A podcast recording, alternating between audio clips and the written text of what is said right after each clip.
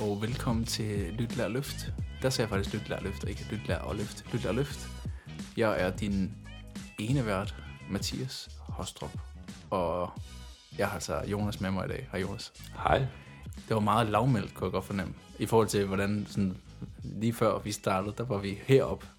Ja, man skal jo starte stille og roligt, ikke? Fordi hvis vi bare fyrer den af, så folk de bliver jo blæst ud, ikke? Ja, det bliver hurtigt sådan The Voice. Jeg faktisk, har du, vi har faktisk fået en, en, en lille, ikke, det er ikke, jeg vil ikke kalde det en klage, men en feedback på vores jingle. Ja, der var en, der ikke kunne lide den. Der var en, der ikke kunne lide den. Han syntes, den var lort. Han synes, og det synes jeg skulle være fair. Ja, Og, det må man gerne sige. Vi har også fået rigtig mange, som har skrevet, hey, har I set den her dating-app, der, der kører over på Anders Hemmingsen? Hvad fanden den hedder, mand? Ja, det kan jeg ikke huske. Jeg kan ikke huske det. De, har den, de bruger den samme jingle. De bruger den samme jingle som os. Men det fede er jo, at folk de så tænker på lyt, lære løft, ikke? Altså folk de vender jo hen til os og sådan her, vent. Præcis. har de lavet et collab? Det er basalt set gratis reklame, ikke? Jo, det er det. Altså, jeg er jo glad for, at, at det er det, der kommer frem. Og, og den sande historie, det er jo ganske enkelt, at jinglen, musikken, det er jo ikke noget, jeg ved godt, det kommer mås- måske som et chok, det er jo ikke noget, vi har komponeret. Bare det var. Bare Det kan var- være, vi skal gøre det selv. Det kan være. Altså, jeg nu kigger, sidder og kigger over på dit DJ-udstyr her. Uh, ja, ja. Jeg kan jo lige fortælle, hvor vi er bagefter. Men, øh, men det er altså simpelthen sådan en, en god gammeldags no copyright øh, jingle, man simpelthen bare downloader, og så vi smækket den ind. Og det gjorde vi i 2018. Og så er der jo så nogen, der har syntes, at den var god, og det er ikke alle, der synes, den er god. Og ved du hvad? Al feedback er feedback, og vi tager det til efterretning. ja. Vi tager til efterretning, og øh, har ikke tænkt os at ændre den overhovedet. Vi hører, hvad du siger. Ja. Men mindre vi finder på selv at indspille noget, så ændrer vi den. Andet. Vi kan jo gøre Ja. ligesom øh, Majer og Christian Amdi. Ja, hvad har de? som, de har jo podcasten, der hedder Stærkt, Stærkt Akavet, mm. som jeg godt kan anbefale. Jeg synes, det er glimrende. Øhm, glimrende koncept. Og øh, der synger Majer jinglen. Nej. Jo. Det er løgn. Stærkt Akavet. Ej, hvor fedt. Virkelig lækkert. Men det er Ja, nu også får jeg det dårligt med vores jingle. ja, jeg synes også, det er næsten for kommercielt. Ja, det er sådan lidt pinligt, ikke? Jo, det er ikke så autentisk, kan man Nej. sige. Den arbejder vi på. Også fordi, hvis jeg også tænker lidt tilbage, så øh, har vi siddet i nogle podcast, hvor du så sad du og spillet på dine ben, tror jeg. Har vi? Ja, så sad du sådan og spillede på, på dine ben, og så, fordi vi sådan lavede øh, Ja. ja, trommesolo op til noget, sådan til en pointe. Klart, sagtens. Men ja, location i dag, Det er virkelig øh, oh, intimt. det er, det er hyggeligt, fordi vi sidder hjemme hos mig, Casa di German, Kasser, det kan man. og øh, det er, kan bedst beskrives som en, øh, hvis man bor i en studiebolig, men at det ikke er en studiebolig. Og øh, så på grund af lyden, den lige skal være okay, så har vi sådan rullet gardinerne for og lukket døren, sådan så lyden den ikke sådan klanger for meget, og så er der sådan lige tændt lys over hjørnet. Og vi sidder ret tæt i forhold til normalt, fordi vi sidder ved sådan en lille kontorbord. Få din hånd væk. Nej. ja, vi, vi har jo så taget dynen på. Ja, jeg skal fodre Mathias med vindruer bagefter i sengen. vi, kan bilde lytterne alt ind. Altså, men øh, det vil ikke være første gang, at der er nogen, der vil lave, lave en podcast med dyne over, over hovedet. Det er sådan noget, man gør for, for, for lyden. Øh, ja. Men der tror jeg simpelthen bare, at vi vil ramme en eller anden termisk øh, tærskel på et tidspunkt, hvor vi bare vil kollapse. Og det gør jeg hver gang alligevel, ikke? Så jeg sidder helt kogende bagefter alligevel. Så Ja. ja. hvis vi skulle gøre det, ja, det ville være forfærdeligt. Ja. Så hey, hvis, hvis I synes, at lyden er lidt anderledes, så er det fordi, den er det. Ganske enkelt. Så øh, det er simpelthen bare det. Det er bare præmisset, ikke? Det er præmissen. Vi laver det gratis. Der er grænser for, hvad vi kan gøre, ikke? Det er præcis. Men, men det er rigtigt, vi sidder altså i Casa de, de German. Hillerød. det er I, uh, i La Ciudad de Hillerød. Mm. Det er Hillerød. Hillerød. Hillerød. Hillerød. Og det er længe siden. Det, det er fandme længe siden. Det er, vi har set det den anden et par gange. Ja. Øhm, men uden uh, mikrofoner. Ja. Og øhm, Vi er travle. var det, jeg tror faktisk, det er, det er tæt på to måneder siden. Ja, det er sgu ikke godt. Der er noget, der siger mig, at det var i februar. Vi, vi skød den sidste. Det er rigtigt. Øhm, ja, det tror jeg, det var. Men øh, nu er vi tilbage. Og der, der var en grund til, vi har egentlig været rimelig skarpe på at, at holde en anden frekvens, synes jeg, inden der. Det har været okay. Altså, vi havde ni, ni episoder, som, Ish. som har været sådan hver 14. dag, ish, ikke? Så, øh, men sådan er det jo. Livet sker, og så må man jo omstille sig. Ja. Og det er jo nok også lidt det, vi skal snakke om i dag, faktisk. Er fordi, en af grundene til, at vi ikke har optaget, det er både fordi, vi begge to er travle, Men det er også fordi, du har fået endnu et barn, Mm. og, og været på barsel. Og når jeg siger endnu et barn, så er det fordi, jeg driller Mathias, at han har mange børn. Jeg skal altid sige barn nummer 8, eller noget den stil.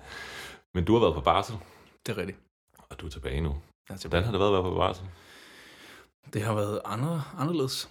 Hvordan det? Øhm, det er min første barsel som lønmodtager. Det er min første barsel, uden at jeg selv skulle øh, tjene nogle penge ved siden af, hvor lønnen bare tjekkede ind alligevel. Det lyder fantastisk. Så det var sådan, øh, det var, jeg, jeg har stadigvæk sådan et eftervejer af det der selvstændige liv. Det tror jeg virkelig, jeg har en lang, øh, altså det, jeg har en lang akkumuleringsfase til at blive full-blown øh, lønmodtager, tror jeg, op i skallen. Og det, det er jo på godt og ondt, og spørgsmålet er, om jeg nogensinde bliver det. Men det, det udmunder så mange gange i sådan lidt restløshed. Altså, jeg skal helst have noget, noget at rive i, når man siger det sådan. Øhm, Ja, altså din postingfrekvens under barsel, Ja. den var jo, altså jeg var målløs hver dag, ikke? hver dag. Det var, var det? Var det det sådan var, det var hver hver dag? Det Det var jo helt sygt. Altså det var fedt, men, det Ja. var, Ja, men, men, det er sådan kontrasten i forhold til, når du har været på arbejde, så ser man sådan, hvad, gang om ugen, et par gange om ugen så måske. Jeg, jeg kører lidt højfrekvent i storyen, måske lige siger Ja, godmorgen, ja. ja, ja. Hvad, hvad, hvad skal jeg? Øhm, og så kommer der måske et repost på en uge, og så kommer der måske et nyt. Ja, altså sådan to om ugen. Ja, ish. Og det, og det skulle, det er, jo, det er jo lidt sjovt, ikke? Fordi jeg, man kan jo, jeg kan sætte uret efter det. Og det er jo ligesom øh, vand, det skal nok altid finde et sted at, at løbe hen. Og sådan har jeg det også lidt med kreativitet. Og sådan, øh, hvis jeg ikke kan øh, kreere, eller producere, eller effektivisere et eller andet seer og ord øh, på arbejdet, fordi hey, nu er der baby, eller nu er der et eller andet ferie, så er det som om, at så bliver man sådan lidt en... Så bliver jeg sådan lidt... Det, så må jeg jo finde på et eller andet, jo. Øhm, og så har jeg jo min telefon, og så kan jeg sidde og backslippe med det.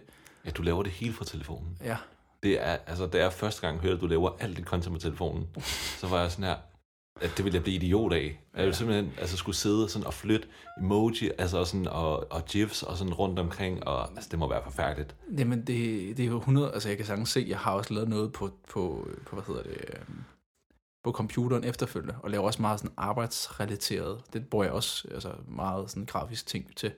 Øh, men, men det rene handler simpelthen bare om, hvad der er sådan øh, nemmest. Og der, hvor jeg som udgangspunkt laver mit indhold på eksempelvis Instagram, det er, når jeg ligger og venter på, at mine børn, de falder i søvn. Og, og prøve at undgå selv at falde i søvn. ja, også, også, det, også det. Men det er der, hvor der er noget ro, og det er der, hvor jeg ved, at der er sådan, der, der, har jeg, der har jeg pladsen og tiden, ikke pladsen, for der ligger altid børn ovenpå. Så ikke sådan fysisk plads, men jeg har sådan øh, kognitiv plads til bare lige at forholde mig til den der ting, der er lige der foran mig. Og så er en skærm, og de to andre, de langsomt sover, ikke? Så der ligger jeg og nøjer med det. Men ja, så det er, øh, jeg tror, det, det kan jo lyde tragisk, det kommer an på, hvem der, hvem der lytter med, og hvem man er som person, men jeg tror, der er 75% af min sådan dopaminudskillelse i løbet af en dag, det kommer af at fikse ting, og, og, og at, at kreere noget, skabe noget, og være noget for nogle andre. Øhm, og mit job til dagligt øh, handler i stor grad om at være noget for nogle andre, og fikse noget, og løse nogle problemer, og, og sådan nogle ting. Og så hvis man bliver hævet ud af det, og man plejer at gå på arbejde 8 timer, plus at være noget for nogle andre, og hjælpe og sådan noget, og hvis man så bare bliver hævet ud af det, så, så, så er det klart, jo, så er der også mange ting, man kan fikse derhjemme, men det begrænser, hvor meget jeg fucking kan støvsuge. og sådan noget. Og så tror jeg det, altså nu kommer det også an på, hvad for, en bar, hvad for et barn man har, vil jeg mærke, ikke? Men altså, den barsel, som jeg var på, var sådan meget rolig. Der skulle ikke, der var sgu sådan rimelig, rimelig chill, øh, i hvert fald øh, i slutningen af den, ikke? Så, øh, så det, det var specielt, men som du siger, så jeg har nok bare lidt krudt i røven. Så det, er sådan, det, det, det kommer jeg nok ikke fra. Hvor længe har du haft den der sådan træng til, her tænker jeg specifikt på, i forhold til sådan at hjælpe andre mennesker, øh, coache andre mennesker, være noget for andre mennesker. Hvor langt tilbage kan du huske, at du har haft det? Øhm, det... Altså... Jeg tror, jeg tror mit store held, det er, at jeg har sådan lidt tilfældigt landet i nogle rigtig fine, eller ikke rigtig fine, rigtig gode ungdomsjobs, set sådan øh, i retrospekt. Altså mit første job, jeg fik, var som, øh, var som i Jack and Jones, hvor jeg fik en chef, der hed Mirko. Og skud ud til Mirko. Fordi du lærte virkelig en, en 14-årig dreng, og ja, hvordan man laver kundeservice, og hvordan man opfører sig. Altså ikke fordi jeg ikke kan finde ud af, hvordan jeg opfører mig, men, men det der kundeservice, det der, hey, det handler ikke om, at vi skal sælge. Det handler om, at du skal sørge for, at det her, det skal altid være en win-win. Altså, du skal ikke sælge nogen noget, som de ikke vil have. Og siger du det til en 15-årig, altså, og det bare er, altså, han var min første chef-chef, sådan for alvor, ikke? Jamen, så, øh, så blev det sådan, så blev det næsten tatoveret ind i ens måde at tænke på. Og så, så langt hen ad vejen, så, så tror jeg, at det kom sådan helt tilbage der. Altså, jeg kan ikke huske, at jeg i, i hvad hedder det, i Folkeren var ham, der skulle hjælpe med lektier, fordi hey, jeg var ham, der skulle have hjælp med lektier. så, så, så, det er sådan det tidligste, jeg sådan kan komme, komme, komme i tanke på, ikke? Jeg tanke om, men øh, det, det, det, det, tror jeg. Og så røg det jo videre over, efter jeg var i tøjbranchen, så var jeg øh, på sådan en speciel skole med, hos, for, øh, for børn med øh, sådan sociale øh, vanskeligheder, øh, også med, med diagnoser, øh, både med autisme og ADHD og sådan nogle ting, og der skete også, altså det ligger også, et, en stor grundsten i det, er også at hjælpe andre mennesker og sørge for, at man giver, giver andre nogle gode, en god dag. Ikke? Om det så er, at man skal give dem et, de rigtige bukser med hjem, eller sørge for, at de får en, en, en god dag i skole, eller om det er at hjælpe folk med at få en god træning, eller om det handler om at få en træner til at få en god karriere, så, øh, så er der sådan lidt... Mange gange så er det det samme, øh, pusle, det, det samme alfabet, men man arbejder ud fra. Ja, det var bare sjovt, da du beskrev følelsen. Jeg kunne godt genkende den, det der med at være noget for andre. Mm. Jeg kan også bare huske, at jeg havde den tidligt. Mm. Når jeg siger tidligt, så er det sådan tidlig ungdom, når man begyndte at blive sådan en lille smule ansvarsbevidst i hvert fald. Ikke? Ja. Det der med sådan at gerne ville hjælpe andre, coache andre, være noget for andre, og ikke sådan af egoistiske årsager, men simpelthen bare fordi det er, det er bare sådan et drive. Det giver mening. Sådan, det, det giver bare så meget mening at være noget for nogle, nogle andre. Mit problem var, at jeg havde ikke kompetence til det dengang, så jeg var sådan, hvad skal jeg hjælpe folk med? Der er ikke nogen, der vil have hjælp af en, en 16-årig knækagtig, der ikke ved så meget. Ikke? Ja. Hvordan det? Har du søskende? Ja, jeg har søskende. Jeg har en, en lillebror og en lille søster. Og det er sjovt, du siger det, fordi det, det, det har jeg netop udøvet meget der. Jeg, øh, jeg kommer fra en, en, jeg kalder det en arbejderfamilie, men det er virkelig bare en lavt uddannet familie.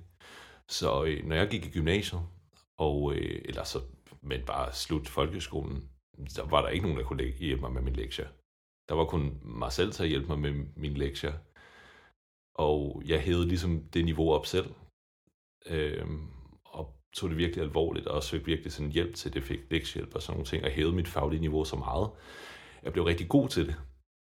Sådan så jeg i sidste ende kunne faktisk hjælpe mine søskende med det. Så når de skulle skrive opgaver i gymnasiet og sådan noget, så kunne mm. jeg rent faktisk øh, hjælpe dem. Det var lidt den der følelse af at være noget for andre, som man ikke selv havde haft. Ja. Eller sådan det der, jeg kunne godt huske, hvordan det var ikke at kunne få hjælp til sin lektier, og så går man i klasse med nogen, hvor at, når deres far er advokat, eller ja. et eller andet. Det samme oplevede da jeg læste statskundskab. Ikke? Ja. Men så er nogle forældre, de er selv akademikere. Ikke? De ja. kan lige læse deres opgave. Ikke? De kan lige give feedback på, hvordan laver man referencer, begrebsanvendelser og sådan noget. Ikke? Jeg havde ikke nogen, vel? Nej. Ej, det er rigtigt. Jamen, det er... Øh, det, jeg, jeg, tror det, jeg ved ikke, om det er en tendens, det er jo sådan, men grunden til, at jeg det mente godt, at jeg kunne huske, at du havde mindre søstre. Og det er jo også den hurtige, hvis man er den ældste, så, så bliver man hurtigt også nogle gange den, der skal lige hjælpe med sådan, hey, om det så er, hey, snør og sko, eller lige hjælpe med at smøre en madpakke, eller hvad, fanden, hvad fanden det nu skal Det kan bare være sådan, hvordan sætter jeg Playstation til? Nu skal jeg vise dig det, ikke? Altså, IT-supporteren. Altså, men øh, det er rigtigt, altså det, øhm, jeg tror det, jeg tror det er sådan meget normalt, det der med, at mange gange så vil man, så ender man med at, at lande den profession, som man sådan lidt selv havde brug for.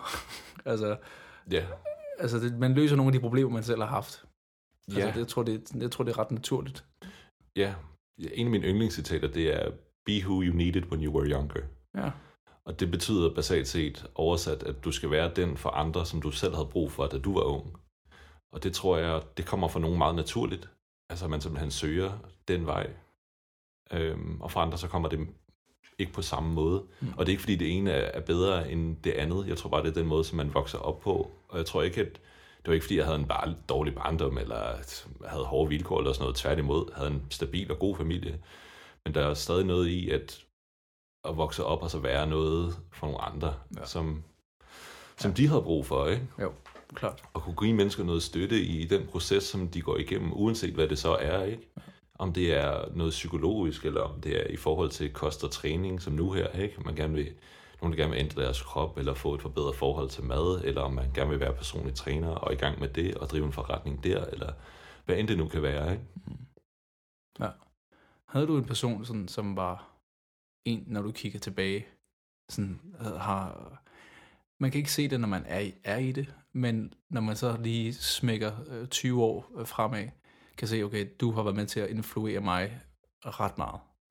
Og selvfølgelig er der ens forældre, så men, men sådan en, en, en perifær, ikke familiær person måske. Jeg havde også en chef engang, ja. lig, ligesom du havde, som øh, jeg var ung, og jeg var droppet ud af gymnasiet dengang. Fordi jeg klarede det rigtig dårligt, fulgte ikke med i første omgang.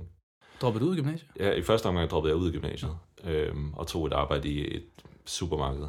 Øhm, og der fik jeg en figur, som var meget udviklende. Altså jeg havde en leder, som var meget, meget udviklende, tog meget, meget ansvar.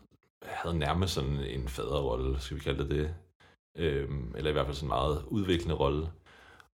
Og ligesom dig, lærte man ligesom ordentlighed eller sådan, du lærte sådan, hvordan er du mod andre mennesker? Eller sådan, det virker sådan helt basic, ikke? Men hvordan er man mod andre mennesker? Sådan noget med at møde til tiden, og sådan noget meget ud af, ikke? Sådan noget, man møder til tiden, man, du ved, man passer sine ting, der skal være styr på tingene, og, og sådan nogle ting, ikke? Og hvis man gør det, og arbejder hårdt, og så får man noget ud af det, ikke? Mm. Altså, så jeg lærte ligesom hele det der, både også at kultur være frembrusende, tror jeg også lært. Eller sådan, at hvis du bare sætter dig tilbage og ikke tager mulighederne, så bliver du trådt over.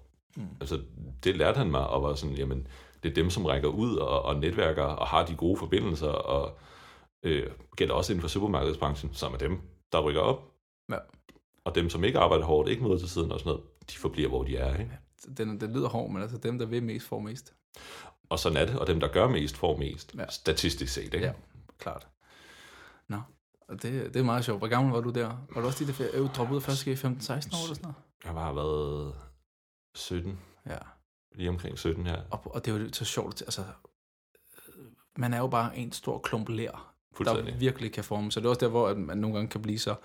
Altså, ah, altså, jeg kan da sidde og føle mig godt nok lidt gammel, øh, men ar, når jeg så ser på, jamen, hvad, hvad, hvad, hvad er det så, der influerer øh, 2021, 2021, 2022 øh, 17 år nu. Er det deres chef, eller er det en eller anden, en eller anden person, der sidder bare og fylder dem med fucking bollocks, ikke? Altså om det så er vandfaste, eller om det er det ene eller det andet. Fordi problemet er jo netop, at vi er, man er som i den alder, er man jo så modtagelig for, for ting, som kommer fra noget, som, for, en, for noget, der minder om en autoritet. Ikke? Eller noget, man anser som værende en øh, autoritet. Eller ja. tro, troværdig kilde om at være. Ja, præcis. Og nu er vi jo begge to i sådan, jeg kan godt tage, kalde det autoritære positioner i, i fitnessmiljøet. Det synes jeg godt, man kan kalde det. Jeg er underviser på kostvejlederuddannelsen øh, og hjælper også PT i gang, og du er jo head i, øh, hvad hedder det, head, eller i, i fitness øh, world. Det, altså, jeg er ansvarlig for personlig træning i fitness ja, tak. Det er svært at tale. Sammen med mine kolleger. Ja, det er svært at tale. Ja. Så vi udvikler nogle, nogle mennesker, og vi prøver jo også at give dem nogle værdier og et godt udgangspunkt. Mange af dem er helt unge mennesker, eller man kan også være ung på den måde, at man er helt ny i en branche. Jeg snakkede med en i går, som helt ny i livsstilscoachingsbranchen, har lavet en masse andet virksomheder og sådan noget før. Og der synes jeg bare, at vi har et kæmpe ansvar for ligesom at give folk et, et godt grundlag. Ikke? Ja. Og sådan fokusere på de rigtige ting, og igen, det der med, kommer den lidt meget tilbage med at give folk det, som vi selv havde brug for, mm. da man var i starten af karrieren. Ikke? Jeg havde en case med til mine elever, jeg har lige undervist i, øh, i blandt andet alkohol på kostvejlederuddannelsen, havde vi som emne. Og øh, så tog jeg en case med, hvor at jeg sagde, så satte jeg et eller andet op, et fiktivt eksempel, sagde, den her kvinde, hun drikker så så mange genstande, det antal, det er over anbefalingen. Hvad skal du som kostvejleder gøre her? Det var det, der var det åbne spørgsmål. Og øh, der var selvfølgelig nogen, der gættede, eller lavede nogle forskellige tiltag, sådan noget, når man kunne drikke alkoholfri, øh, man kunne gøre det ene og det andet, en masse ernæringstekniske tiltag. Og så var der nogle elever, som fangede det, som var den fælde, jeg havde lagt op. Og det var, vil den her kvinde gerne reducere sit alkoholindtag? Mm. Det stod der ikke i casen. Der stod ikke, om hun gerne ville reducere det. Og der prøver jeg jo at give dem det der med, at vi skal ikke have mål på andres vegne. Vi skal ikke trække mål ned over folk. Vi må ikke blive så fordybet i ernæringstekniske detaljer, eller anbefalinger, Sundhedsstyrelsens anbefalinger, de officielle kostråd osv., hvis det ikke er klientens ønske. Og det var sådan noget, som jeg ville have været døende for, at der var nogen, der havde gjort for mig i starten. Ikke? Ja. Sindssygt, jeg havde ændret mit perspektiv på tingene, hvis jeg havde haft den med fra start af. Jo, helt klart. Og kan du genkende det i dit eget sådan... Ja, og det, det, det handler jo... Altså, for mig så ser jeg sådan et forskellige... Øhm, jeg, kan godt, jeg kan godt relatere til, til, til den case der, men det der med at, at... Jeg kan virkelig se, at mange af de trænere, der kommer ud nu, altså, hvad havde jeg brug for, da, da jeg startede? Altså, og simpelthen bare, mit mål er at spare dem for et par år. Ja, præcis.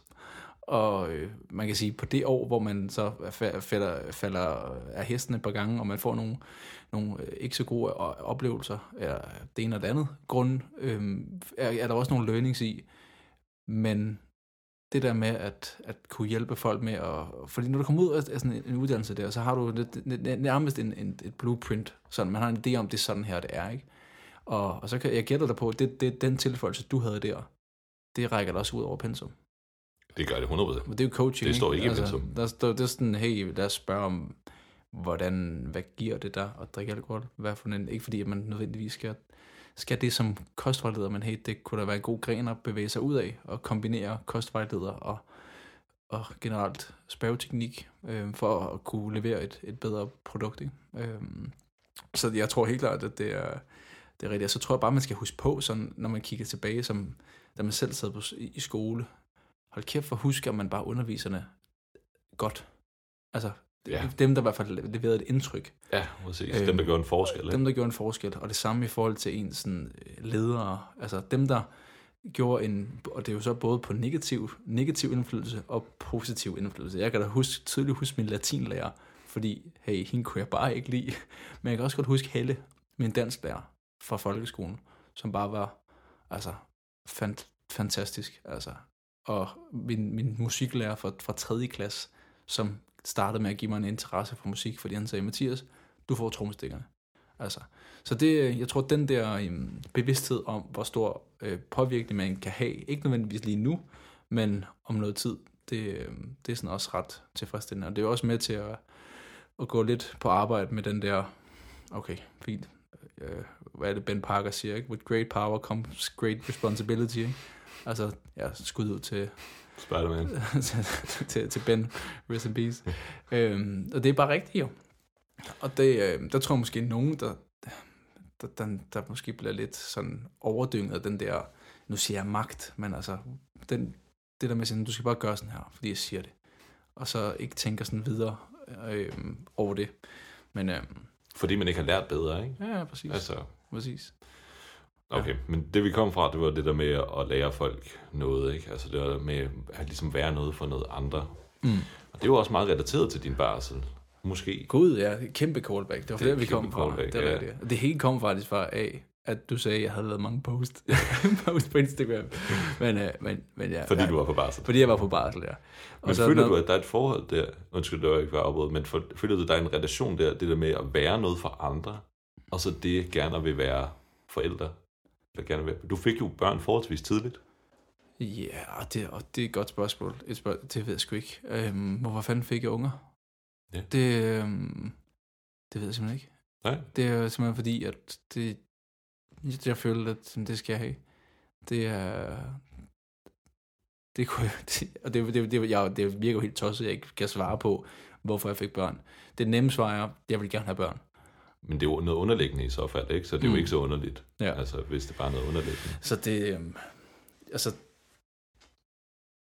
Men giver det der også noget der i den sammenhæng?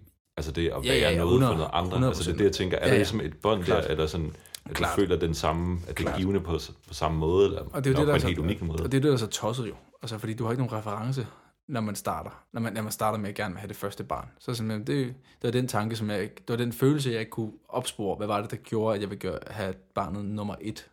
Øh, det var, fordi jeg elskede og elsker, på det tid, og fordi jeg elsker min kone, Pernille, som daværende kæreste, og sådan, prøv jeg, kunne, jeg skal dele mit liv sammen med dig. Og ved du hvad, jeg vil sgu også gerne øh, sætte nogle børn i verden sammen med dig, og jeg, det kan godt være, at jeg kun er 22, eller hvad jeg nu var, men firmaet går godt. Øh, vi bor i en lækker lejlighed. Øh, du er i gang med uddannelse. Jamen, ved du hvad? Vi har haft hund i to år. Vi fik jo vi fik en hund der. Øh, det er en god test. Øh, ja, 100. Altså, hvis du ikke kan finde ud af at have en hund sammen med din partner, så lad være med at avle børn. Så sådan, hvis I bliver uvenner over, hvem der skal gå tur med hunden, så tror mig, så bliver jeg også uvenner over, hvem der skal skifte blæen. Og hvem der skal, skal sove og ikke skal sove. Så det er sådan en meget god stresstest. Så det var sådan, det, det virkede bare sådan naturligt, og så fyrede vi den af. Og så, så begynder referencen jo så at komme, og så finder man ud af, ja, det er nyt. Og det er selvfølgelig ikke kun øh, liv og glade dage, men, men overordnet, så er det fucking fantastisk. Oplevede jeg at have børn. Og så, øh, så tager det en der andet og siger, ved du hvad, den følelse vil vi gerne have igen. Og igen. Med en Præcis. Så det er, men det er jo klart, det, det, der er jo også noget praktisk i forhold til, at har man plads, og har, hvor er man i livet, og, og alle sådan nogle ting. Lige der har jeg nok været lidt jubelidiot. Altså, fordi det har bare været, prøv at vi finder ud af det. Hvad med sådan tids, øh, tidsforbruget? Det lyder så kvantificeret, men sådan per barn. Altså jeg forestiller mig, at at du får et barn, og det sådan her, kræver en, jo en vis mængde tid i hverdagen, meget tid i hverdagen. Mm. Men hvad så med nummer to og tre? Altså det er sådan proportionelt. Føler du sådan, at optager det endnu mere af din tid, at der er kommet en tredje, eller ja, bruger man så meget tid men, sammen? Men, ja, det... men, men det, det, altså, øh, man får det sorte bælte i sådan en behovsudsætning, når man får et, et barn. Uh, Fed måde at sige det. Og det er jo sådan, at øh, hvis jeg har lyst til at spille Playstation, jeg spiller Playstation. Og så sådan, det kan jeg ikke. Fordi der er, nogle, der er et væsen derovre, der vil have noget mad. Jeg skal på toilettet. Men det skulle jeg så ikke, fordi du græder. altså, det er sådan alt for basale behov til sådan stimulerende interessebehov, ikke? Og det, øh, det er jo klart, det, øhm, den sådan, mængden af behovsudsætning stiger i takt med enheder. det, det, det skal vi snakke om. Det, det bliver Excel nu. så, har y, ja.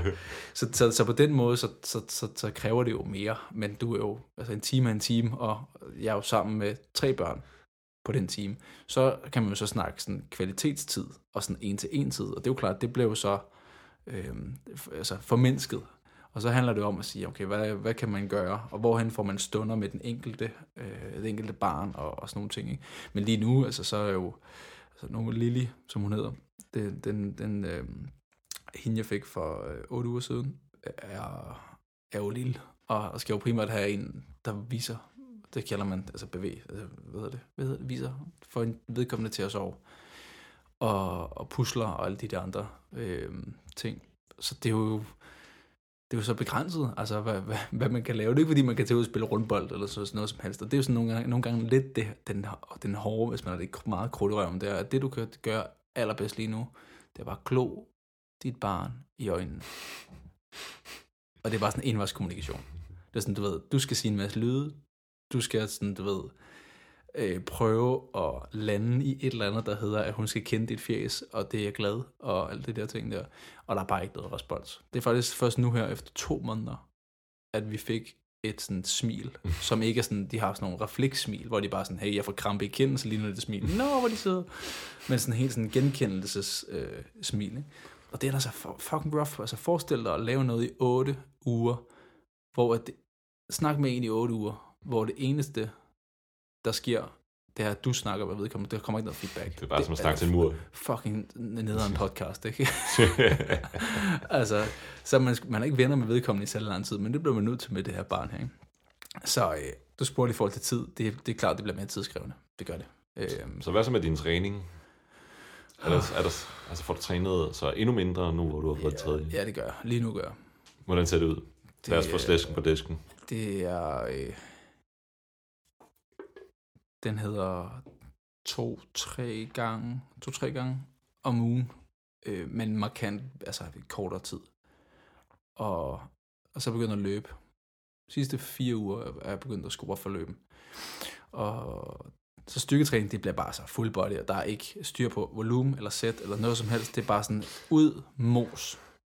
Og sådan, du ved, jeg, sådan, okay, hvor meget, jeg har 20 minutter til rådighed, eller jeg har det her til rådighed. Et, hvad har jeg lyst til? To, hvad har jeg ikke ondt i? Fordi hey, sjovt nok, når man ikke træner og er vant til at træne, og så, så begynder man lige pludselig at mærke sin krop, ikke? Motion is lotion og alt det der, ikke?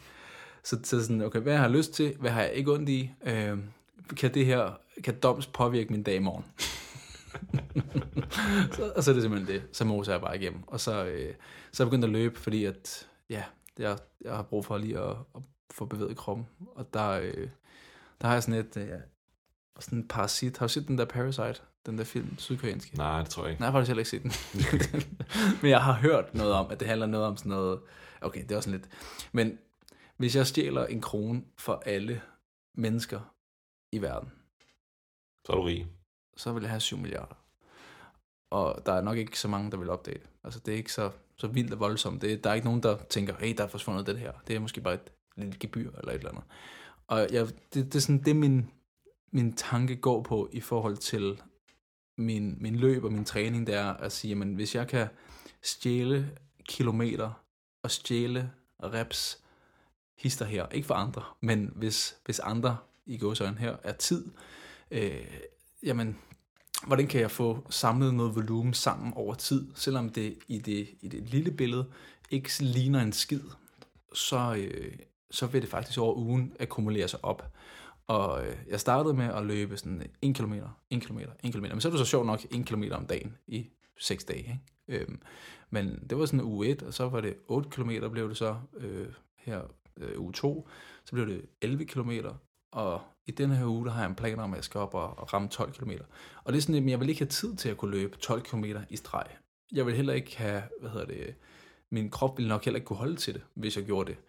Og så er det måden at gøre det på.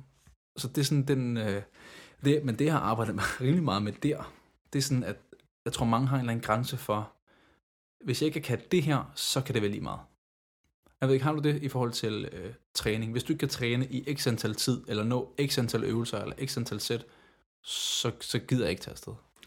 Jeg har det ikke selv, men øh, jeg ved, at mange af mine klienter har det.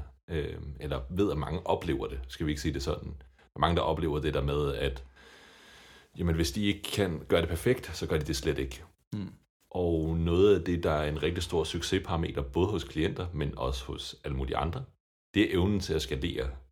Altså skalere op og ned i perioder. Og det er også derfor, det, det er rigtig interessant, fordi det er jo det, du gør rigtig godt der. Ikke? Det er ligesom at skalere din træning ned, sådan så den absolute mængde stadig bliver taget højde for. Men uden at det bliver alt eller intet. Ikke? Og det er bare sindssygt, sindssygt effektivt, som du siger. Man får virkelig banket nogle kilometer ind. Hvis man løber en kilometer om dagen, løber du 6 kilometer, eller 27 kilometer om ugen, ikke? Ja, præcis. Jeg løber 365 km om året. Ja, hvis man lige hurtigt løber ned og bænker, tager tre sæt tre gange om ugen, bare det tager seriøst måske 10 minutter højst, ikke? Præcis. Så har du ni sæt bænk, ikke? Til, til bryst. Så. Det er rigtigt. Og med, apropos omstilling, fordi en ting er, at jeg har omstillet mig til det her barsels ting, men det har jeg trods alt prøvet to gange før. Bokseventyret. Dit bokseventyr, det har da taget en, en lille drejning, var? Eller i hvert fald, det har lige fået øh, skruet lidt op. Det har det. Fortæl, mand. Ja, så det der sker, det er, at jeg har trænet boksetræning i et halvt år, og det gjorde jeg bare for konditionens skyld, fordi jeg synes, det var sjovt. Det skulle ligesom være en måde, som ikke var bare mig, der bare gik på et løbebånd eller sad på en kondicykel. Og jeg gad heller ikke rigtig sådan hold og sådan noget, så jeg havde det privilegie, at jeg kunne hyre en boksetræner. Gik i gang med det, og vi kørte det lidt løst og sådan noget. Og så efter sådan et halvt års tid her, for et par måneder siden, så sagde han, Jonas, prøv her, du har udviklet dig sindssygt hurtigt i forhold til den læringskurve der. Øh, sandsynligvis, fordi jeg nørder teknik meget og er vant til bevægelser og sådan noget fra personlig træningsdelen. Ikke?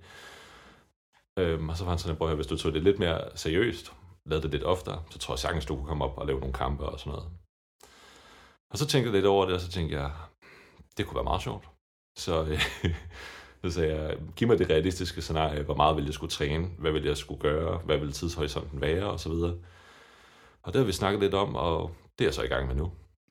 Vel, Så Kender, og det, hvornår er der en kamp? jeg skal først op og have en diplomkamp, det er det første mål. Og en diplomkamp, det er, hvor at man ikke må give 100%. Man må give sådan 75%-agtigt, og så er der dommer på, og så bliver man vurderet derfra, om man er god nok i gåshøjen Ja. ja. til at kunne tage en rigtig kamp. Ja, okay. Så det er første step, og det er til efteråret. Ikke? Ja.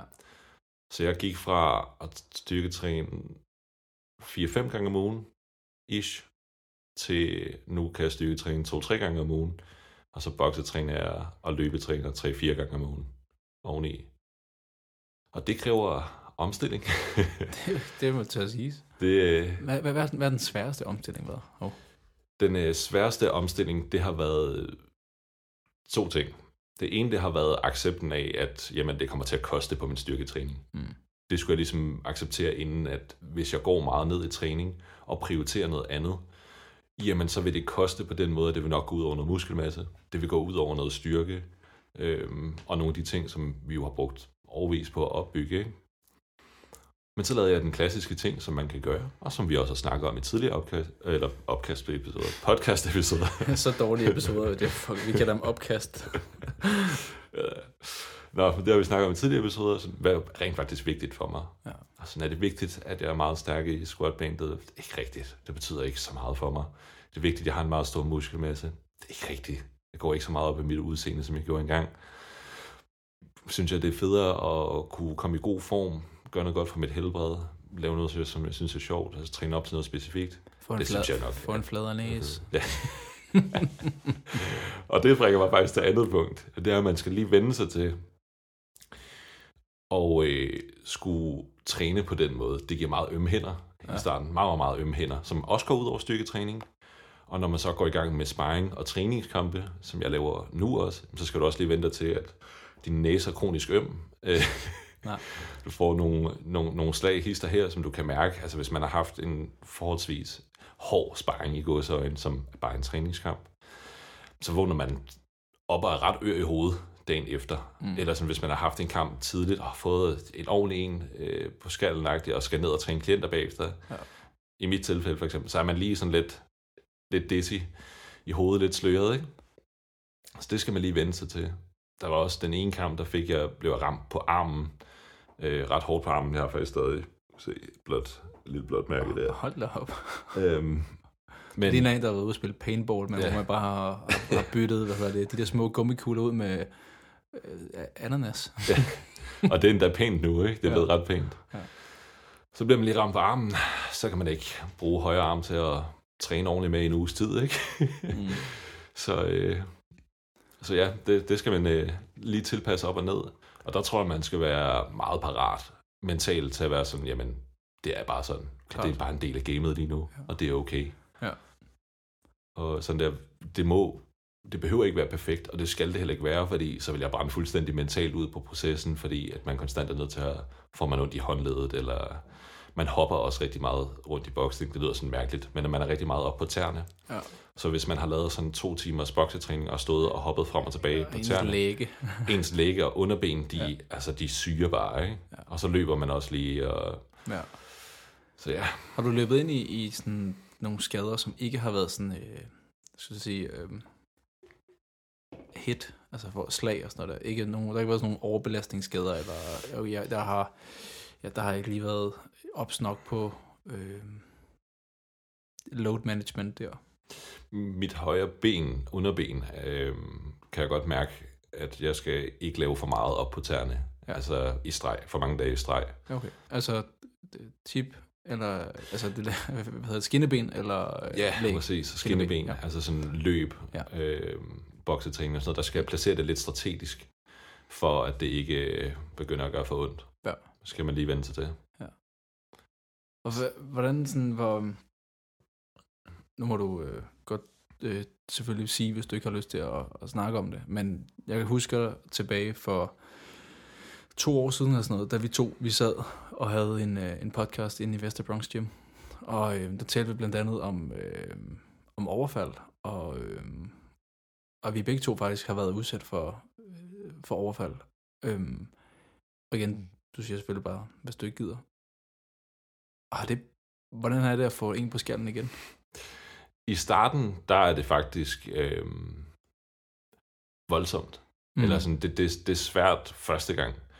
Men det er jo nogle andre omstændigheder. Ja. Det er jo, det, og det er jo i virkeligheden en gradvis eksponering, eller det lyder helt åndssvagt at blive gradvis eksponeret på at slå, blive slået i hovedet. Men det er det.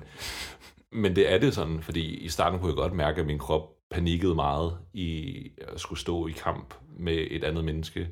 Og det falder mig også meget unaturligt at skulle gøre skade på et andet menneske, eller sådan mm. slå for at ramme, agtigt, ikke? Øhm, men det bliver bedre. Jeg kan huske min første træningskamp, jeg havde. Der er øh, lige noget kontekst først. Noget, der er rigtig vigtigt i boksning, det er, at man altid kigger på sin modstander. Og kigger op.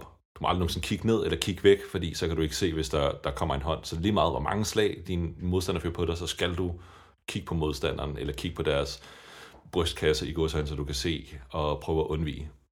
Og jeg kan huske, første gang jeg fik sådan en, man kalder det en serie af slag, der sådan kom ind, der bukkede jeg nærmest bare sammen, altså ikke ned på jorden, men sådan samlede mine hænder inden foran ansigtet og kiggede ned i jorden. Og det er en rigtig dårlig idé, fordi så kan man ikke se de slag, der kommer. Så jeg tror, det var faktisk, jeg tror faktisk, det har været sundt for mig at få noget, det lyder sådan helt, helt sygt, men sådan at få noget kontakt med vold igen, ja. på en måde, som er nogle kontrollerede forhold at mærke, at, sådan, at det kan godt være noget sportsligt, det kan godt være noget... For, for hvornår var det, du blev, du blev overfaldet? Det var... Åh, oh, det er mange år siden. Det må have været 2000 og... Jeg har lyst til at sige 12, 2012. men jeg er ikke sikker. Og har, du fået, har du fået en på, altså har du blevet slået i ansigtet siden? Nej, det er jeg faktisk ikke. Så det var første gang? Ja, så det var faktisk første gang. Ja. Så man kan godt mærke den der panik ja. i, i starten, det sådan kommer, alarmsystemerne ligesom kommer i gang. Ikke? Klart. Men ligesom alt andet, øh, hvis vi skal relatere det til noget kost og noget træning for den sags skyld, hvis man har en skade for eksempel, og første gang man træner noget med en skadet arm, så vil alle alarmsystemer i kroppen skrige på, lad være med at løfte noget med den arm der, du skal passe på den. Ironisk nok er det det, man har brug for. Det samme ser vi med, med kost. Øh, hvis man er rigtig bange for at spise chokolade, for eksempel, så noget af det bedste, man faktisk kan gøre, hvis man er i det rigtige stadie selvfølgelig, men det er at spise noget chokolade. Mm. Og øh, jeg siger ikke, at det er sådan, man skal behandle sin, sin voldstraumer. Overhovedet nej. ikke. Det er overhovedet ikke det, jeg siger, og så må man virkelig ikke, virkelig ikke tage det. Men øh, det var i hvert fald min oplevelse med det, at det var faktisk godt for mig, og sundt for mig at få noget kontakt med vold. Klart. Også fordi, at jeg har haft sådan en, vi snakkede lidt om identitet, nogle, øh, jeg tror det var for et par episoder siden, ja. om vaner med, at man... Gør det til sådan, ja, jeg er en løber. Jeg, jeg er, en, en løber ikke? Og der kunne jeg godt mærke, at jeg skulle væk fra den der, jeg er ikke en voldelig Nå, person. Undskyld. ja, eller sådan, at jeg er sådan meget pacifistisk, og synes, at vold er åndssvagt, og det synes jeg jo også, men ja, det var i hvert fald et opgør med den identitet, ikke? Ja. som kan mærke, at jo mere jeg slap den, jo bedre bliver jeg i kampe og træning. Ja. Jo mere jeg ligesom slap den der påpasselighed. Øhm, ja, fordi hvis man sådan står og bare tilbageholder i en kamp, så taber du. Og så ja. får du mange slag. Du skal turde gå frem. Du skal turde, turde gå ind mod en, som du ved, at der kan være slag på vej, og han kan... Du skal turde gå frem og ind i det. Ja, og det, og det, det er jo så... Øh, det er så øh, modstridende. Altså, det er lidt ligesom, når man siger til folk, når de skal lære at stå på ski, at du skal læne dig ned. Altså, du skal læne dig ud over bakken. For det, ja. altså, alle vil jo gerne læne sig tilbage. Altså, nej, du skal læne dig fremad. og det er også det, når man ser sådan en, øh, en guld, man skal øh, slå på, ikke? Altså, nej, nej, nej. Men altså, og det er jo, det er jo, det er jo sådan en sjov parallel, ikke? Altså, fordi, og det, og det virker helt søgt, det her, men at ligesom at man føler sig sindssygt dårlig, når man starter til boksning, og tænker, at det her, det er, det ligger fjern fra min identitet, og det ligger så unaturligt til det, jeg sådan kommer fra, så kan jeg bare se verdens største, jamen det, sådan er det også, når man bliver forældre første gang. altså det er, det er også fucking unaturligt, og det, det er det samme, det der med, at det handler bare om at læne sig fucking frem i det, og det er sådan, og, og så får man nogle slag, og man kommer også til at synes, det er mega hammerende nederen. Men øh, igen, gradvis eksponering, man jeg sige, lige med, med børn, der får man sådan, det er ikke så gradvist, men der er trods alt en, en graviditet, hvor man gradvist kan vende sig til tanken om, at lige om lidt kommer der et, et slag. men, øh, hvordan har du haft det med at være, være dårlig, skulle jeg til at sige? Og jeg antager bare, altså dårlig er jo relativt, men altså... Nej, jeg var dårlig. Ja. Altså, jeg var, jeg var sindssygt dårlig. Altså, jeg vil også sige, at alle forældre er dårlige, når de starter, fordi... Det, det er man som regel, ikke? altså, relativt. De bliver jo så bedre. Ja. Altså, Jeg synes, det er fedt, altså fordi jeg elsker sådan teknik, nørdning og sådan noget, altså teori og sådan undgå, der er jo meget, hvordan slår du hurtigt, hvordan slår du hårdt, undvielse, du kan snyde den anden, ikke? Du kan, der er forskellige boxing-stile og sådan noget, jeg elsker det, ikke? Jeg synes, det er så fedt at kunne kaste mig ind i og nørde og YouTube-videoer om det og bruge det i praksis, ikke? Altså sådan virkelig har brugt det meget analyserende i virkeligheden, og sådan, så tester man det af i en kamp og sådan noget, ser nogle teknikker og sådan noget, prøver at teste af, og sådan, okay, det kunne godt være, at han slår altid sin højre hånd mod mit hoved. Det kunne godt være, at jeg skulle dække min hånd op mod hovedet, når jeg går ind med et slag med min venstre hånd, ikke? så dæk op med hånden. Ikke? Ja. Så det er bare sådan nogle, det er sjovt, det der med at skulle tilpasse og lære. Det Ja. synes jeg er sindssygt spændende. Det er sådan helt Uanset hvad det er for en sport, eller om man laver musik, eller hvad det er. Ja. Adapt. Adapt, ikke? Nå, sjovt. Har du, hvordan, øh, har du skulle skrue op eller ned på din kost? Altså, har din energi, har dit energiforbrug, øh, er det steget? Eller er det gået sådan even out i forhold til øh, din styrketræning, der er gået ned? Nej, det er helt klart gået op. Ja. Altså, det, man får virkelig, virkelig forbrændt noget ved boksning. Når man ser det udefra, så tænker man, du ved, man står bare lige og slår med hænderne i noget tid, ikke? Men hvis man vidste, hvad det kræver bare at være i kamp 3 gange 3 minutter, man er fuldstændig udkørt bagefter. Er most. Altså, fuldstændig. Ja, fordi du havde også lavet noget engang. Øh, Ikke boksning, var det, var det, det var, kickboxing? det var MMA. Det var MMA. Mixed martial art. Der var god gammel Nick Barnø skud ud. Kæmpe skud. Art Suave. Øhm, Hvor meget Ja. lavede du der? Eller det hvor, hvor lang tid var du Hvad fanden var det? Det var 10, 10 klip eller sådan noget. Jeg tror, ja. jeg var der forbi, og øh, det var over en sommer, hvor jeg tænkte, nu skal der skulle ske noget. Ja, det er hårdt. Og det, jeg tror, altså det er jo, jeg synes det der, hvad hedder det, jiu-jitsu, grappling, øh, kom, det, mandekramning, det synes jeg var sjovt, for det synes jeg, det var sådan, jo, boksning er også skak, men det, det der med at ligge og tage greb, og det, hvis man ser det udefra, så ser det bare sådan, okay, i mosler. Hvor det, det synes jeg var mega sjovt. Øhm, det, det, der var der virkelig også et spil i det, øhm, og det er også så hårdt, fordi du bare spænder hele kroppen. Altså det, Og man er bare på. du er bare på, ikke? Det er jo ligesom, hvis du bliver taset. Altså, du virkelig, du spænder i hele kroppen, fordi at der er et menneske, der vil have dig et sted hen, men du skal holde imod, fordi du vil gerne have vedkommende det andet sted hen, ikke? Så der, der er man, øh, og du kommer i sådan nogle off, altså sådan nogle, nogle positioner, du ikke rigtig er til daglig, og du har fordoms i altså steder, du ikke engang vidste eksisterede, altså.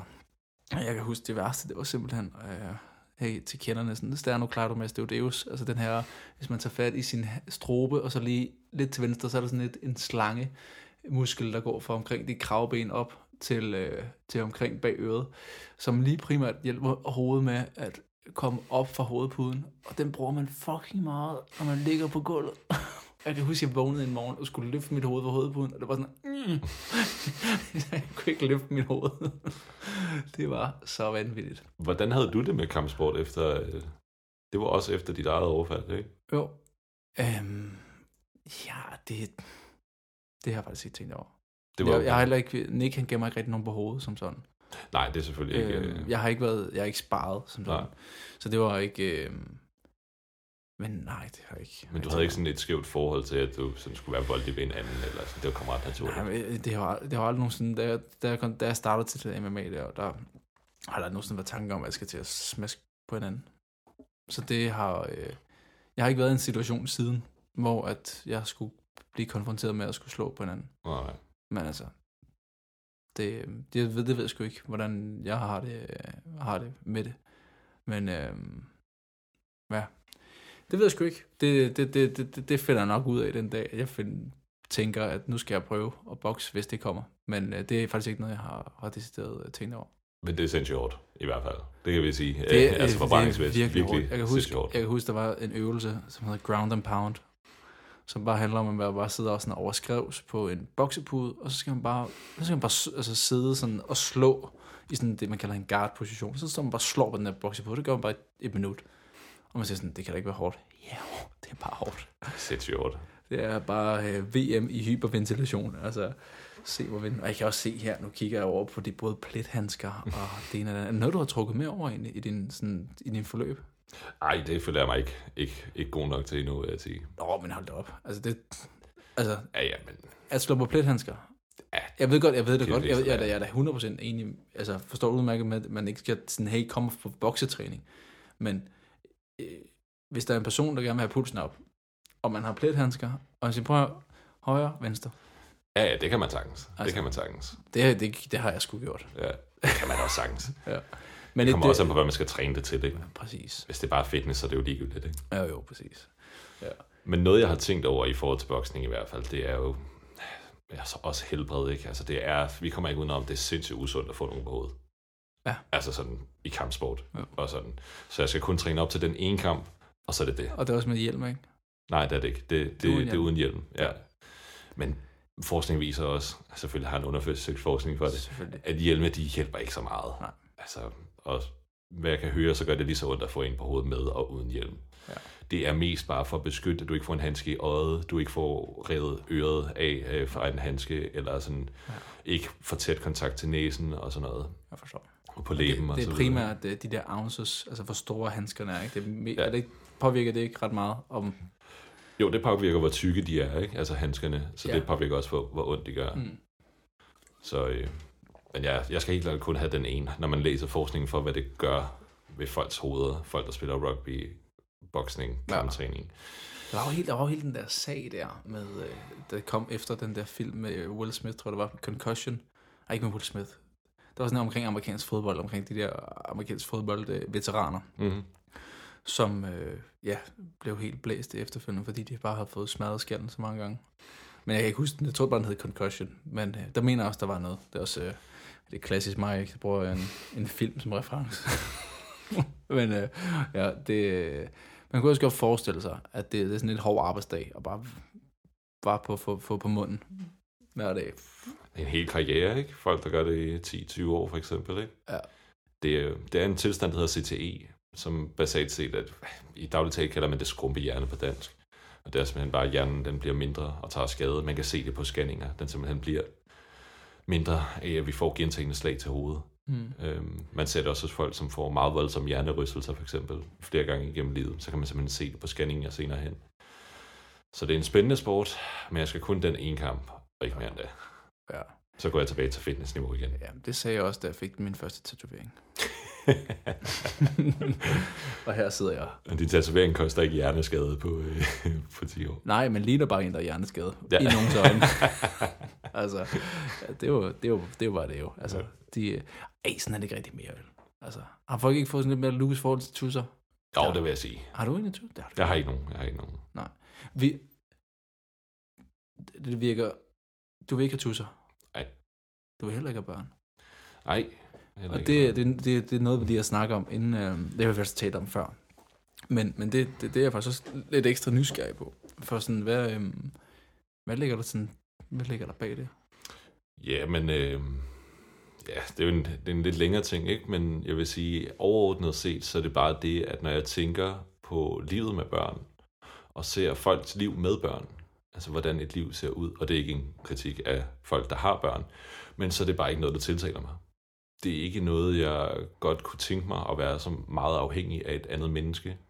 Jeg kan godt forstå, jeg kan godt se det appellerende i det, det er bare ikke appellerende nok for mig. Noget, når man kommer hen i livet, så får man nogle forskellige værdier. Og nogens værdier, det er familie, tætte relationer og, og så videre.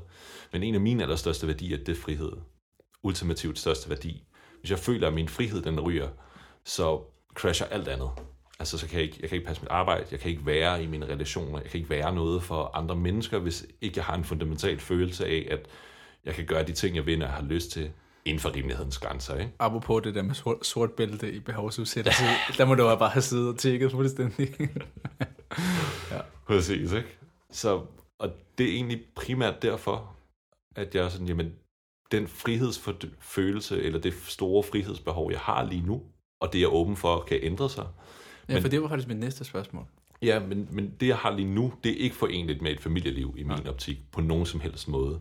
Fordi jeg har det også sådan, at hvis man skal have et barn, så skal det være, fordi man har lyst til at få børn i et eller andet omfang i hvert fald, og er klar til at tage ansvar for et andet menneske, og er klar til at give en masse af sin behov væk, som du siger, udskyde en masse ting, som man gerne vil eller har lyst til, Det kan være lavpraktisk som at træne meget, eller det kan være lavpraktisk som gerne vil spille FaceAction, eller bare for at tage nogle af de eksempler, vi har snakket om. Rejse, øh, Rejse. U- uddannelse og tage det job, man gerne vil have. Øh, ja. der kan være rigtig mange ting, ikke? hvor vi må ligesom bare erkende, hvis man får et barn, så er det det barn, der kommer i første række. Og sådan synes jeg, det skal være. Det synes jeg ikke er en dårlig ting. Men det er bare ikke noget, der tiltaler mig. Nej. Jeg ved ikke, om jeg bare er et meget egoistisk menneske, eller sådan, men Nej, du er bare et menneske. Ja, og det, det tiltaler mig bare ikke på nogen som helst måde. Det tiltaler mig ikke noget at skulle få det med et andet menneske heller. Eller sådan, Ja. ja, det er bare ikke tiltalende for mig, som det for, er for mange andre, der er sådan, "Nå, men selvfølgelig skal vi have børn. Det er bare ikke, på ingen måde en selvfølge for mig.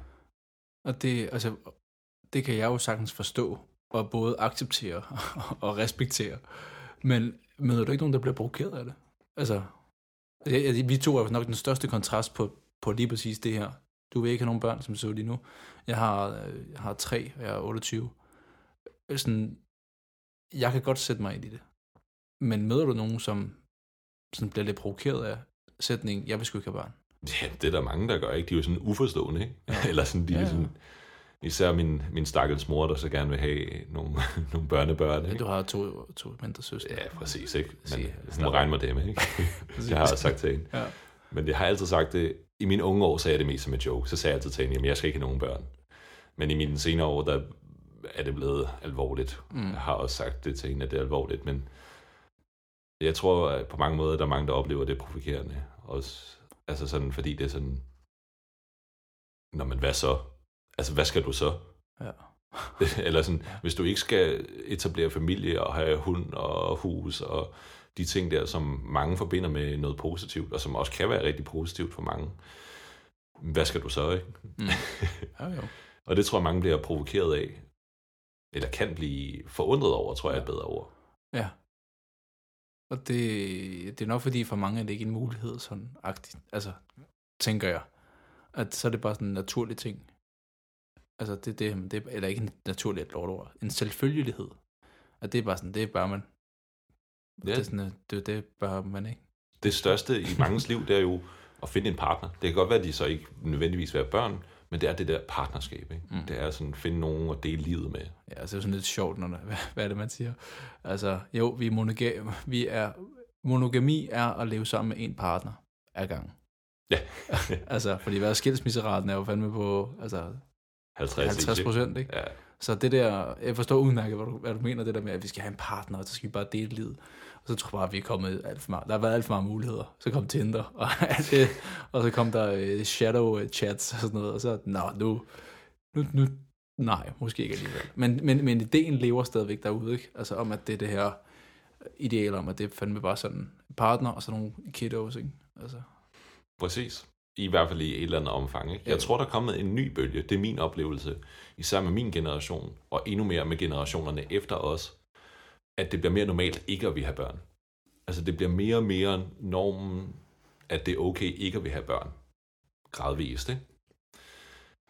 Så det, det er en sjov udvikling, men det er jo også fordi, at der er mange, der har sådan en idé om, at jamen, så skal de efterlade sig noget. mm, Efterlade en legacy, ikke? Eller sådan, så efterlader du dig et familietræ, du giver noget videre. ja. Du, øh, du oplærer ligesom et andet menneske, du ser det udvikle. Oplærer, det lyder sådan helt skoleagtigt. Det er det. Ja, men sådan, Du har, du har sådan et, du har, du sætter et menneske i verden, og så sådan, nu er du et liv hos mig. Du For skal, evigt. Du skal lære, indtil du bliver 18. og så lærer man basale dyder og sådan. Og det kan jeg virkelig godt se. Det er sindssygt appellerende. ja, det er sådan Sims på steroider. altså, The Sims, altså to klassespil. Ja, Og det er kæmpe skud. Det må vi lige Sims 2. Ej, altså, ja, det jeg, jeg, helt skud. lyst. Det er sjovt, man siger Sims 2. Det må være, fordi vi er generation, der kun spillede, vi ikke spillede træerne. Det er fordi træerne, den var så dårlig. Altså, den var dårlig øh, lavet til computer. De var ikke så godt... Øh, kompatibiliteten, der var dårlig. Altså, jeg tror, du er, hvad er du, to? Hvad er du? hvad er du? 93. 93. Nå, vi er, vi er straight out of 93 begge to. Sjovt. Så det er sådan, vi har jo præcis de samme referencer. Sims, Rollercoaster Tycoon, Age of Empire, Halo, Counter-Strike, Stop, stop, stop. Warcraft, Wolfenga, Wolfen, hvad hedder det? Wolfen, Wolfenstein. Wolfenstein. FIFA. Kæmpe OG's. FIFA. Ja. Ja, no. Det er sådan, at du kan give videre til dine børn. Ikke? Jamen, det er, det er, det er rigtigt. Ej, men det er, altså det, der kommer ikke flere FIFA-spil. Nå, De har valgt at gå hver for sig. Nå, FIFA og EA. Nå, det er... jamen det, og tro mig, øh, det lyder fucking mærkeligt, det her. Gør det. Det, er, vi- det er lige en spin over før. Jeg blev oprigtig en lille smule ked af det. det lyder så indeni. Jeg blev faktisk en lille smule ked af det, fordi altså FIFA, hey, fodboldspil. Øhm, jeg glemmer altså nogle gange, at vi har en mikrofon, når man siger sådan. Men altså, nu sidder vi bare og snakker her. Øhm, FIFA, fodboldspil. Det første spil, jeg spiller, var FIFA 99. Ikke? Klip til, at jeg stadigvæk sidder, når jeg skal slukke hjernen, så sidder jeg stadigvæk i min stue og spiller FIFA 22. Ikke? Det er 23 fucking år, hvor det har været min coping-mekanisme for at få noget ro og være alene i min eget skald. Ikke? 23 fucking år. Det er Så sygt lang der- tid, jo. Det er, jeg vil kategorisere det som værende lang tid. øhm. Og så der den der pressemeddelelse, det var min kammerat, som, øh, som sendte mig det, det der med, at nu kommer der ikke noget FIFA mere, fordi at de her to partnere, der, gen, der laver spillet, de kan ikke blive enige om licenser og penge og sådan noget. Så nu kommer der noget andet, hvor at, at den ene part vil prøve at lave noget, men det hedder ikke FIFA. Og det kan godt være, det kommer til at være præcis det samme, men lige, lige i momentet, det kunne jeg mærke, der, der var der sådan, au, That hurts. Altså sådan et øh, masser mikkel ikke? At jeg føler mig, at det var... Jeg var reven ude i skoven, mens at øh, hunden og den gamle dame kørte væk fra mig. Og det var så EA og, og FIFA. Hvilket er endnu en gammel reference. Ja, ja apropos masser mikkel. Det var, det, det, var, det var første gang, man sådan øh, lavede omsorgssvigt på tegnefilm. Ja. I stor stil, ikke? Ja, det kan jeg stadigvæk se. Altså, Disney må have en anden formel for, hvordan man får mennesker til at græde. Og primært Den sidder der bare. Altså, det er, det er fandme hæftigt. Men, øh, nå, vi kom fra børn og, og så videre. Så, så det er... Øh, jeg spurgte om, om, øh, om du oplevede, om folk sådan blev, blev provokeret øh, af det, eller uforstående over for det. Føler du, at folk møder dig med nysgerrighed, eller sådan decideret sådan øh, antagelser? Altså møder folk dig med spørgsmål, eller kommer de med, nå, det er nok fordi, eller er det fordi? Altså, Hvis man snakker med nogen, der er 40 plus år, mm. så er det... Så øh, lader de som om, de er nysgerrige, men Mm. mm. dømmer indeni, ikke? hvordan, hvordan, øh, hvordan mærker du det? Nej, men det er jo bare, at øh, hvis man snakker med nogen, så er de altid sådan, når du får børn Mm. i den alder. Ja. Men hvis vi kommer ned under det, altså nu tager jeg bare store skæld, ikke? Det er jo Ja. bare sådan, det har ikke noget med alder at gøre. Det er jo mere sådan generationer op, hvor man er opvokset og så videre. Men sådan, der er to kategorier af mennesker, ikke? Der er dem der, som er sådan skeptiske og sådan, der nærmest taler som om, når du ombeslutter dig. Ja. når du ombeslutter dig, ikke? Eller hvordan, og så er der mange, der er sådan lidt mere chokerende, sådan, om, hvordan kan det være? Ja. Eller sådan. Og jeg har også selv været sådan, fordi jeg har det jo meget sådan, at ting skal tages på et oplyst valg. Mm. Det er det, jeg lever for på mine sociale medier. Ikke? Det er at give folk et oplyst, en mulighed for at tage et oplyst valg. Så det kan godt være, at man vælger det ene eller det andet. Man vælger at drikke meget alkohol. Men hvis du kender konsekvenserne og ved, hvad anbefalingerne er, så er jeg sådan set fuldstændig ligeglad, om du gør det ene eller det andet. Ikke? Du må gerne bokse. Du skal bare vide. Der er en konsekvens ved. Du får sandsynligvis skrømpejern, og hvis du er klar til at tage den konsekvens, så er det sådan set ligegyldigt. Af. Og sådan havde jeg det også med børn. Så jeg dykkede meget ind i det, og var også øh, undersøgt det sammen med øh, en uddannet psykolog dengang.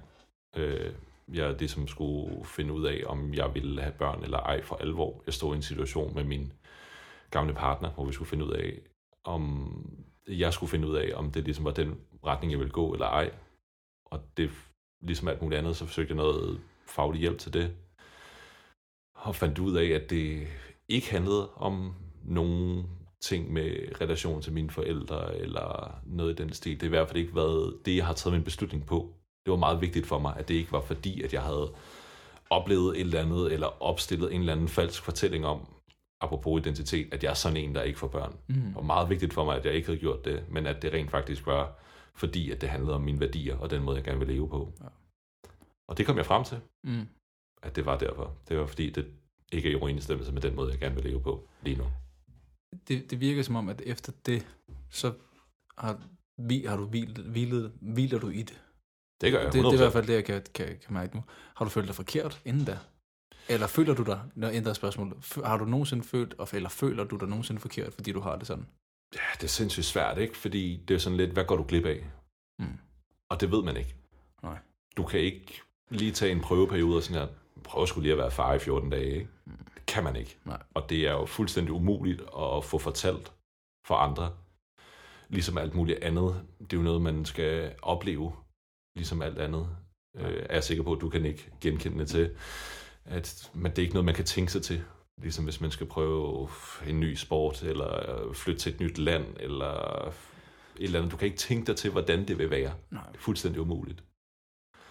Og, øh, Og bordet fanger, kan man sige. bordet fanger fuldstændig. Ja. Det, er det, det, er en, det er det, der er Det er Også- livsændrende. det er det, og det er en ultimativ beslutning. Ja. Flytter du til et andet land, så kan du flytte tilbage igen. Ja. Skifter du job, så kan du få et andet job, ikke? Se. Starter du til en sport, så kan du stoppe igen, ikke? Så du får et barn, så er det slut. På den måde, at beslutningen er taget. Jeg, jeg, vil- jeg vil ønske, vi bare vi, vi klipper den der. Får du et barn, så er det slut. Bam. Det skal være over, e- ekstrabladet overskriften. Jonas German. Får du det barn, så er det slut. Ja, det er rigtigt. Ja, Øh, men ja, så, så, så er det jo, ja. så er den beslutning taget, ja. og så kan du ikke lave den om. Nej. Og øh, det er jeg i hvert fald meget bevidst om, i forhold til, at jamen, jeg ved, har ligesom accepteret, at jeg kommer ikke til at efterlade mig noget, øh, noget stamtræ, eller nogen, der lever videre, eller noget på den måde. Og det har jeg det fint med. Jeg er ateist ind til benet, så jeg tror på, at når man dør, så er man færdig. Og så der er ikke noget efter. Så det er ikke noget, jeg vil kunne se eller opleve alligevel. Så vil jeg hellere bruge min tid på at leve et liv, der er i overensstemmelse med mine værdier omkring frihed. Og være noget for en masse andre mennesker. Den tid, jeg ikke bruger på potentielt at få børn, den kan jeg bruge på at påvirke mennesker på andre måder. Hjælpe mennesker på andre måder. Mennesker, der står i en svær situation, som måske sidder fast i deres eget liv i forhold til livsstil, eller hjælpe nogen med at få gang i deres forretning, eller hjælpe folk med at blive nogle rigtig dygtige vejledere, så jeg på den måde kan påvirke et kæmpe netværk af rigtig mange mennesker, i stedet for, og på den måde i går så en efterlade mig en legacy på den måde. Hvad hedder det på dansk? Legacy. Sæt præg. Ja, sæt, Ja, Sæt sit præg. sæt sit præg, eller sådan. Øh, det hedder faktisk, øh, det hedder, fanden det, det hedder, mand? Det hedder øh, sit...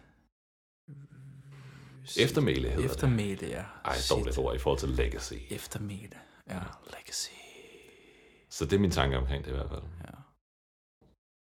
Fedt. Det er jeg kommet frem til. Det er, jeg, nu sidder jeg og tænker på, hvad vi skal kalde den her episode. Det, det er svært. En løs snak om omstilling. Og livet. Ja. ja. Men altså, det, øh, det tænker jeg nok folk. Det vil du være. Hvis du ikke kan lide det, så hører du det her ikke. Så hører du det ikke alligevel. Nej, præcis. ja. Nå, fandme... øhm, Skal vi... øh, Altså, det var fandme... Jeg synes alligevel, der er en rød tråd. Der er noget, der hedder omstilling, og så er der noget, der hedder gradvis eksponering. Og der er Og noget... valg og konsekvens. Ja, præcis. Vælge noget til eller fra. Ikke? Og det er noget, jeg reelt bruger meget tid på med mine klienter. At sige, du kan godt vælge X til, men det koster Y.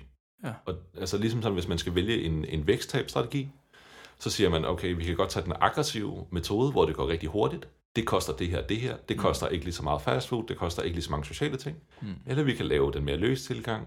Ja. Det koster mindre, går langsommere. Og, Det er og- det samme her. Og jeg tror nogle gange, at nu, hvis vi nu øh, bliver i vægttabs-snakken øh, snakken omkring, øh, at det er nogle gange også det, som folk sidder fast i. Er, at de har ikke rigtig lavet det her. Øh, jeg sagde A, og så får jeg B. Ikke? Eller nej, jeg sagde A, som er for børn. Det betyder så, at jeg skal have mindre tid til træning. For problemet er jo så, at man, eller udfordringen er, hvis der du så kommer over på den anden side, og ikke afstemt dig, har ikke afstemt konsekvensen af, at nu har vi ikke lige så meget tid til at træne, som det menneske, du var, før du fik børn. Fordi det er to forskellige mennesker. Men hvis det er, at overbevisningen og forventningen og hele sådan tanken og identiteten ikke har omstillet sig, så vil du højst sandsynligt opleve langt større grad af frustration, og måske langt større øh, oplevelse af, og måske også endda skam. At, jamen, ej, hvor, jeg, jeg så engang sådan ud, eller jeg kunne passe den her kjole, eller der, altså dengang, der kunne jeg sagtens løfte det her. og Så jeg, ja, du er et andet menneske. Ikke? Det er ikke, du har ikke de samme forudsætninger.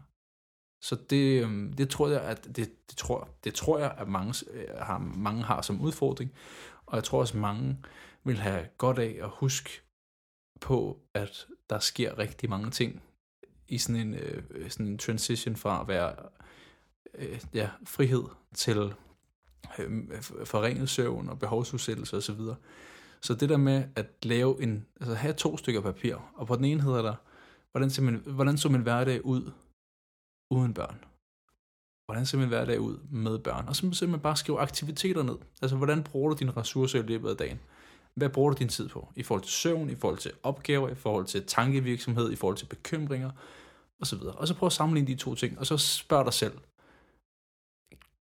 giver det mening, at den her person herover efter børn har svært ved at efterleve den samme træningsvolumen og generelle forventninger, som den her person havde? Og så stil dig selv det spørgsmål. Jeg er lige nødt til at spørge om noget til sidst, inden vi slutter.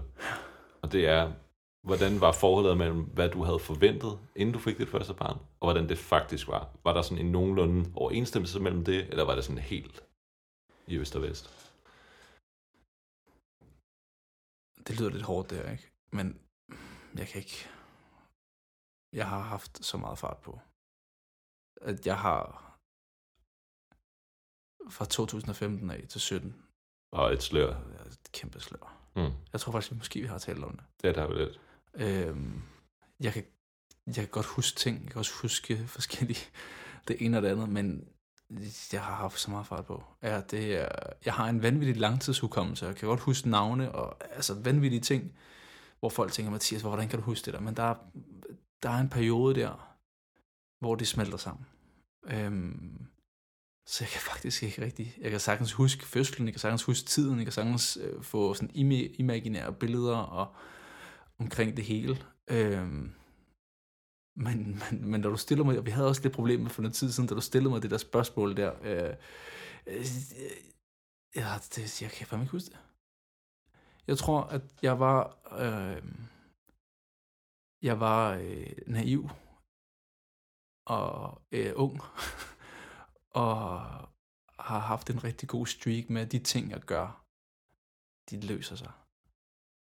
Og hvis det er, at man har gjort nok ting, som ligesom, okay, der er en, der kan, der, kan, der er en, der kan vinde på det, men der er også kun en, der kan tage skraldet. Det er mig. Og det tror jeg bare, jeg har, har oplevet nok gange, hvor at, jamen, jeg har taget skraldet, men jeg har også, du ved, løftet bokalen. Så det er sådan men hvad er det værste, der kan ske? Jeg vil gerne det her, kan jeg mærke. Men ja, lad os se, hvad der sker. Fyr den af. Det vigtigste var, har jeg, er økonomisk stillet? Altså, kan jeg tage mig af det her barn? Har jeg hus? Har et sted, vi er, vedko- er, er vedkommende. Er, er, er mit barn sikkert?